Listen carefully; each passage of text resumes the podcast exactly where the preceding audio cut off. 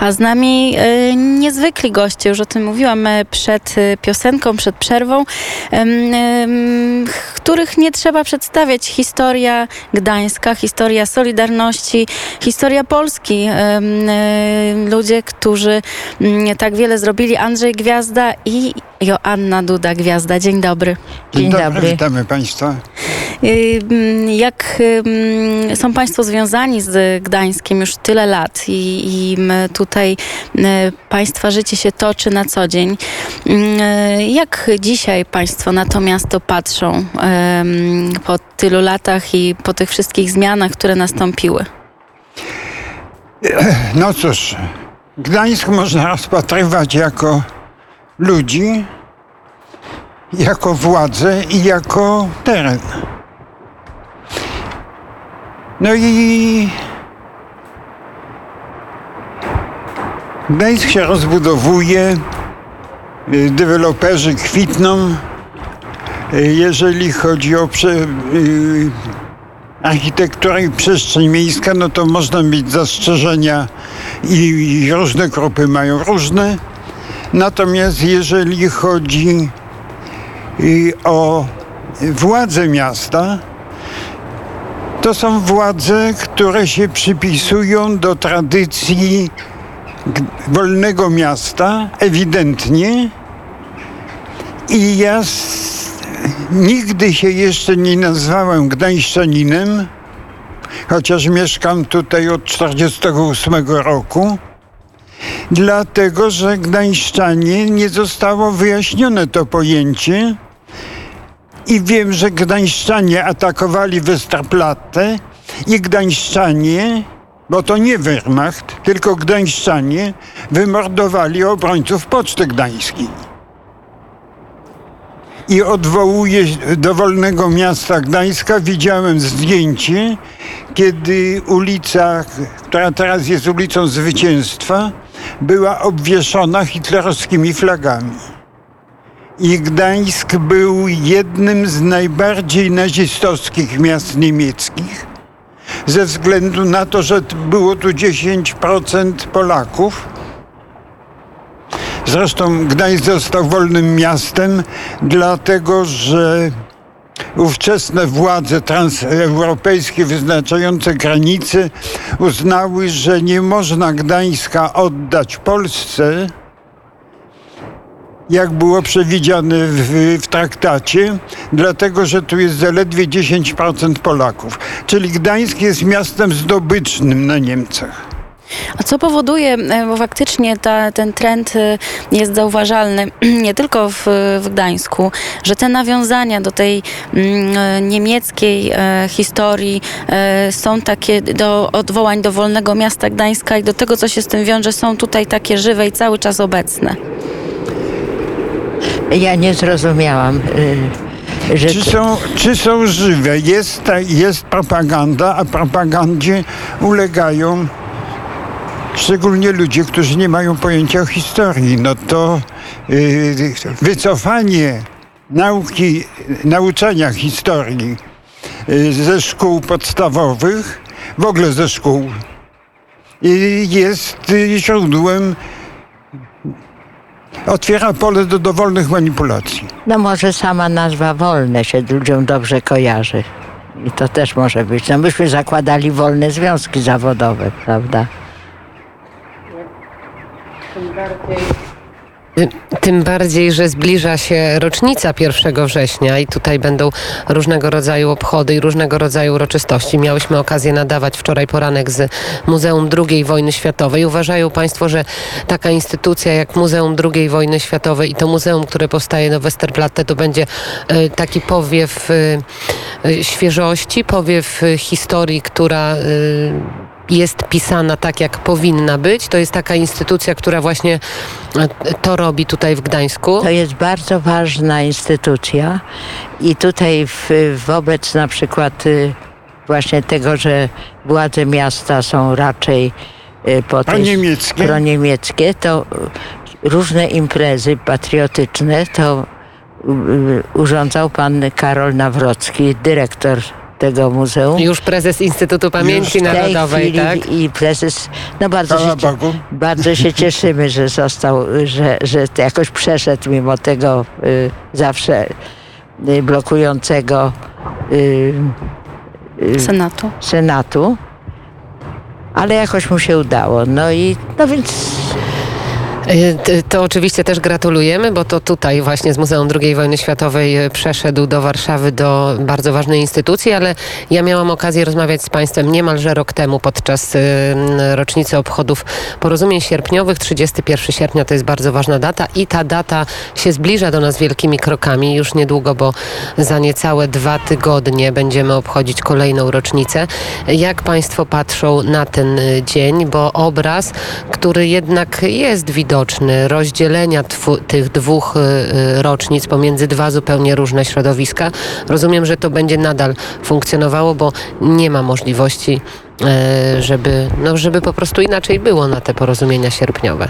No wie pani, no jeśli weźmiemy jakim wodzem i geniuszem okazał się Lech Wałęsa, no to trudno tutaj na przykład o jakieś wspólne obchody, prawda? A nie mają Państwo trochę żalu, jeżeli Państwo patrzą na Europejskie Centrum Solidarności? Ogromny budynek, y, ogromna, mm, ogromna inwestycja, ogromna dawka historii dla turystów, dla tych, którzy przyjeżdżają. Nie mają Państwo właśnie takiego trochę żalu, trochę rozgoryczenia, że to zostało zawłaszczone przez y, y, pewne środowiska? Co do celu budowania, to u, budynku, który ulica trafnie nazywa Rdzewiakiem, Tak nie mieliśmy wątpliwości, że jest to centrum fałszowania historii i tak mi się i nasze przewidywania niestety jak zwykle się sprawdziły. Ale co powinno być przeciwwagą dla tego? Sala BHP e, powinna być bardziej rozbudowana? Jak to powinno wyglądać? Bo człowiek, który przyjeżdża z zewnątrz, może po prostu się w tym wszystkim zagubić. No wie pani, były próby odzyskania tego Europejskiego Centrum.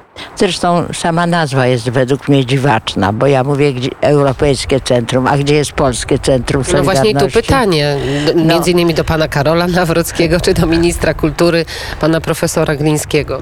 No więc takie, taką rolę pełni sala BHP. No na szczęście udało się Solidarności y, Stoczni Gdańskiej utrzymać własność y, sali BHP i tam rzeczywiście odbywają się jakieś większe spotkania, jakieś Ale imprezy. n- nie, nie czuje pani potrzeby, żeby ona była jednak trochę bardziej rozbudowana? No, No pani. jest zabytkiem, więc rozbudowa, No wydaje mi się, że rozbudowywać nie można, chociaż wnętrze już nie przypomina tego, gdzie się, y, gdzieś, że- gdzie żeśmy się przepychali y, z komuną.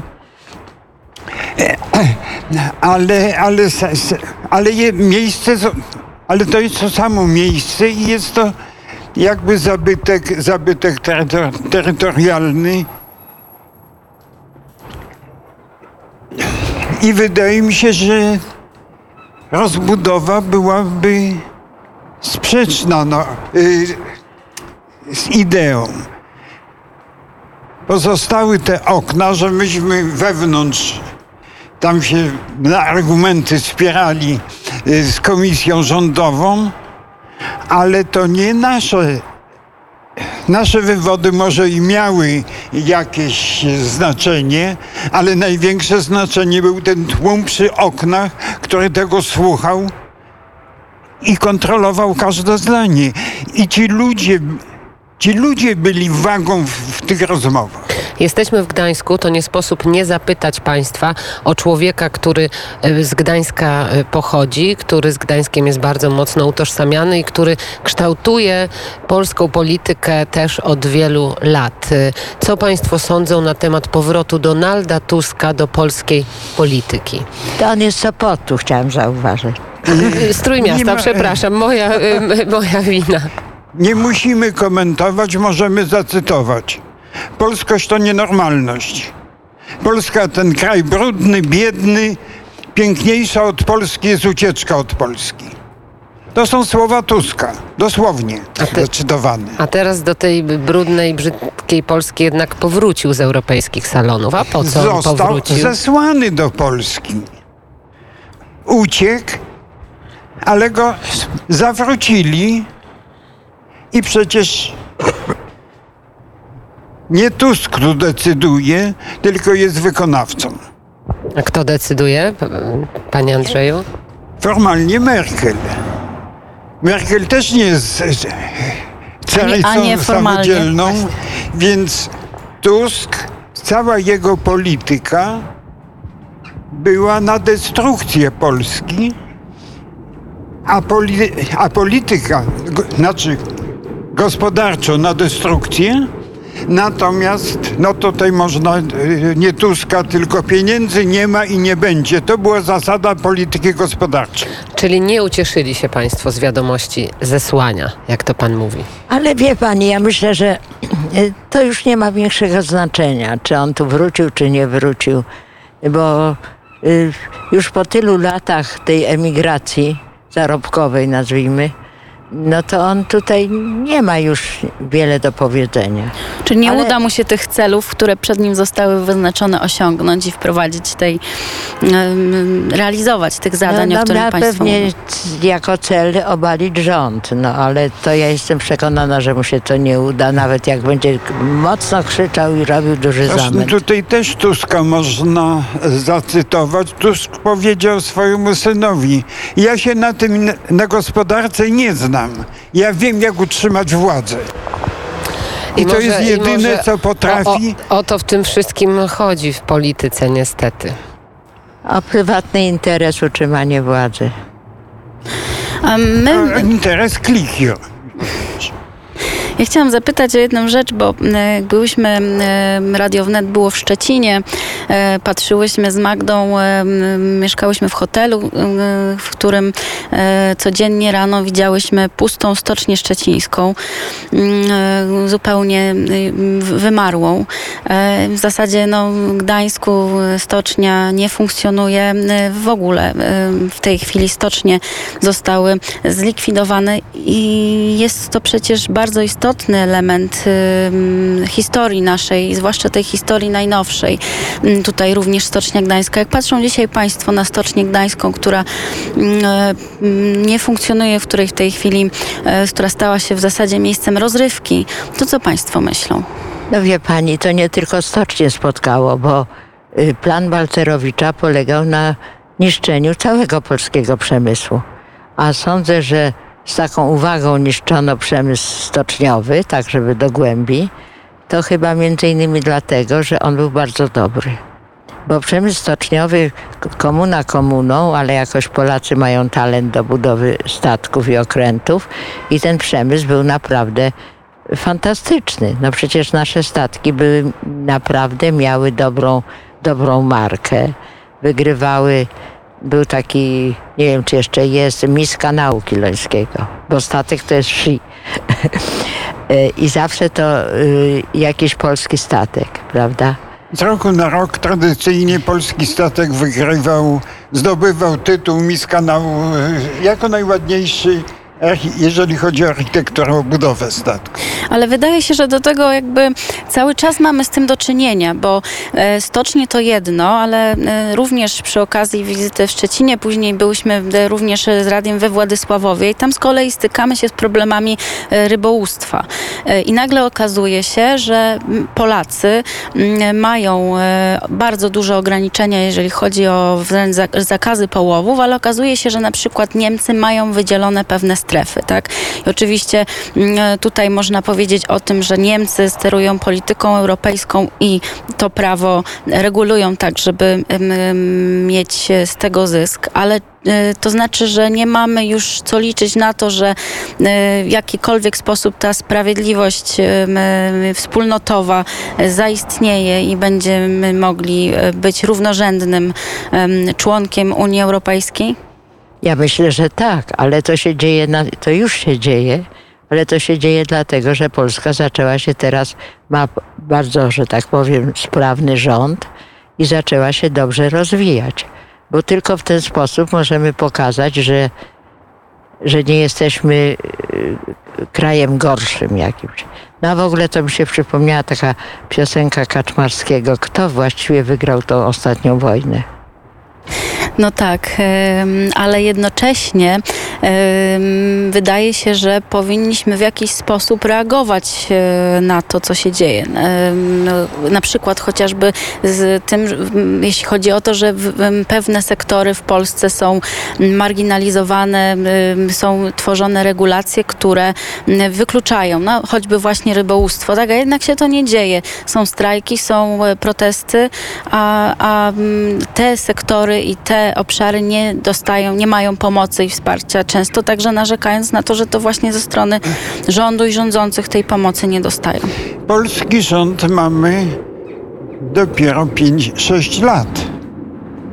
Wszystkie poprzednie rządy, z wyjątkiem krótkich dwóch lat, były to rządy typu gubernator prowincji, gubernator kolonii.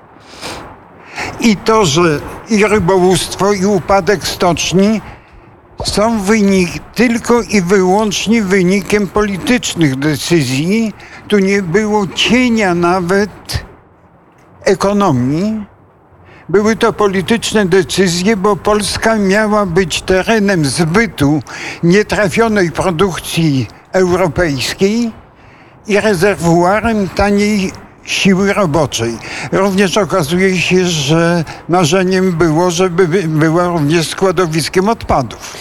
To, co oczywiście pan Andrzej Gwiazda mówi, na pewno ma swoje uzasadnienie, jeżeli spojrzymy wstecz i spojrzymy na to, co się działo w historii, ale e, od sześciu lat rządzi inna opcja polityczna. Od sześciu lat mamy rząd tak zwanej dobrej zmiany.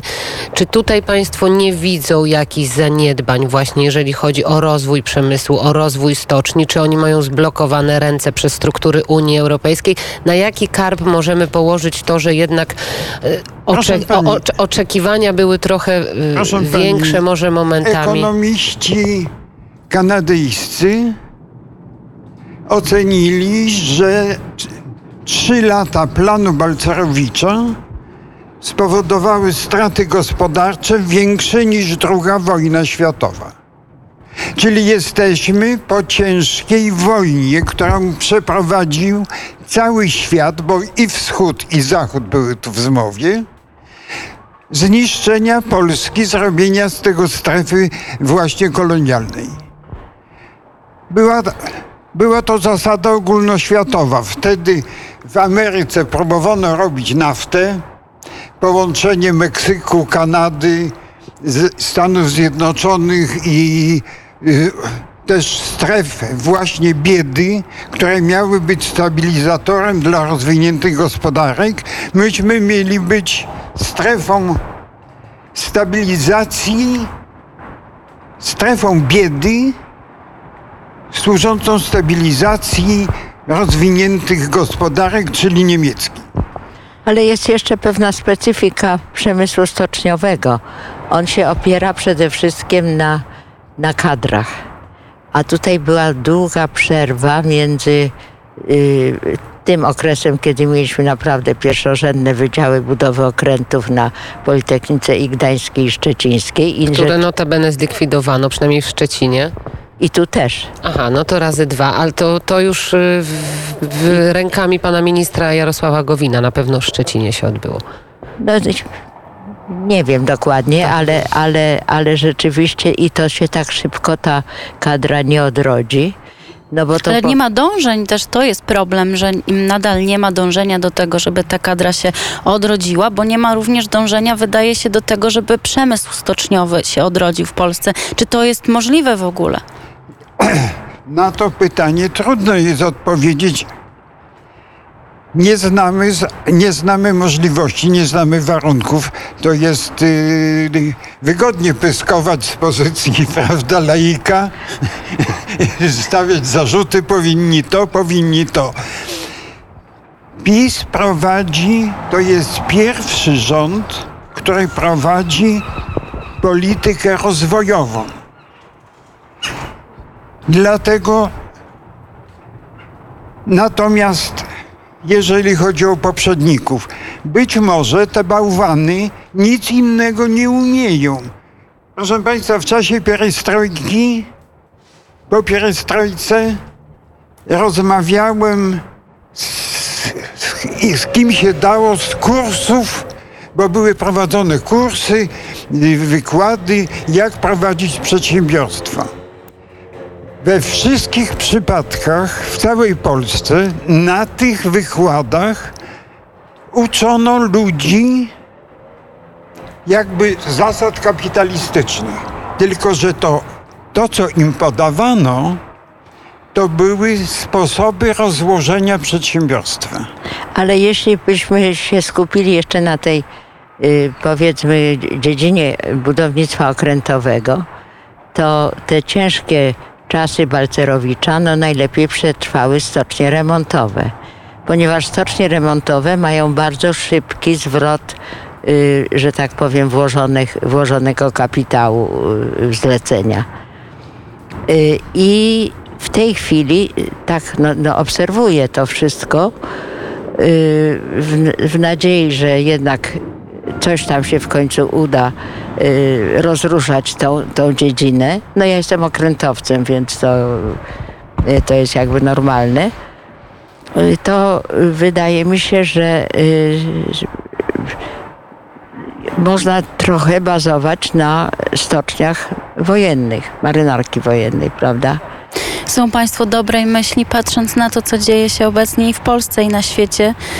Mają Państwo dobre, dobre myśli, czy jednak może niekoniecznie? No ja jestem optymistką, no. To po prostu, po pierwsze, mamy rząd, któremu ja ufam i ten rząd jest kompetentny. No to jest, że tak powiem, szczęście niebywałe. Społeczeństwo też wydaje mi się, że jest, je- jest już trochę uodpornione na, na hejt, na wszystkie y, dezinformacje y, i, i mam nadzieję, że, że jakoś wspólnie y, wygrzebiemy się z tej sytuacji. Pan też jest optymistą? Oczywiście no, PiS prowadzi politykę rozwoju, i, która się różni od polityki destrukcji, również popularnej na Zachodzie, tak zwanego neoliberalizmu, że tam w razie kryzysu ładuje się pieniądze w banki. I to daje fatalne rezultaty. Te szereg kryzysów, czarne czwartki, czarne piątki, już nie wiem, prawie cały tydzień czarny, były skutkiem wyłącznie złej polityki gospodarczej, złej polityki również finansowej. Rozwój daje z... wprzęgnięcie całego społeczeństwa w produkcję. Polska to również cytuje z kursów europejskich dla polskich menadżerów, że ma być rozwijana Warszawa i okolice, a na resztę się nie, nie, w resztę się nie inwestuje. No i wiem to dlatego, że przez pomyłkę zaprosili niewłaściwą osobę, która zaprotestowała i wtedy prolegent powiedział, że to jest polityka destrukcji, ale to nie jest pomysł Unii. Ten pomysł te, te, te wytyczne dała nam Warszawa. A więc tu w Polsce był lansowany program upadku, program rozkładu gospodarki. Proszę Państwa, wracajmy do stoczni. Stocznia Gdańska w momencie upadku miała ofertę, za, poza tym mieli pe, pełny portfel zamówień. A y, szczytowe zamówienie to było z Indii 28 jednakowych statków, seria 28 jednakowych statków. Dla takie zamówienie opłaca się budować stocznie. Ale Balcerowicz zabierał zaliczki armatorskie na koszt budżetu. A nie da się zbudować statku bez zaliczki armatorskiej, bo te kilka tysięcy ton blachy na kadłub trzeba kupić, a zwrot przychodzi po dwóch latach.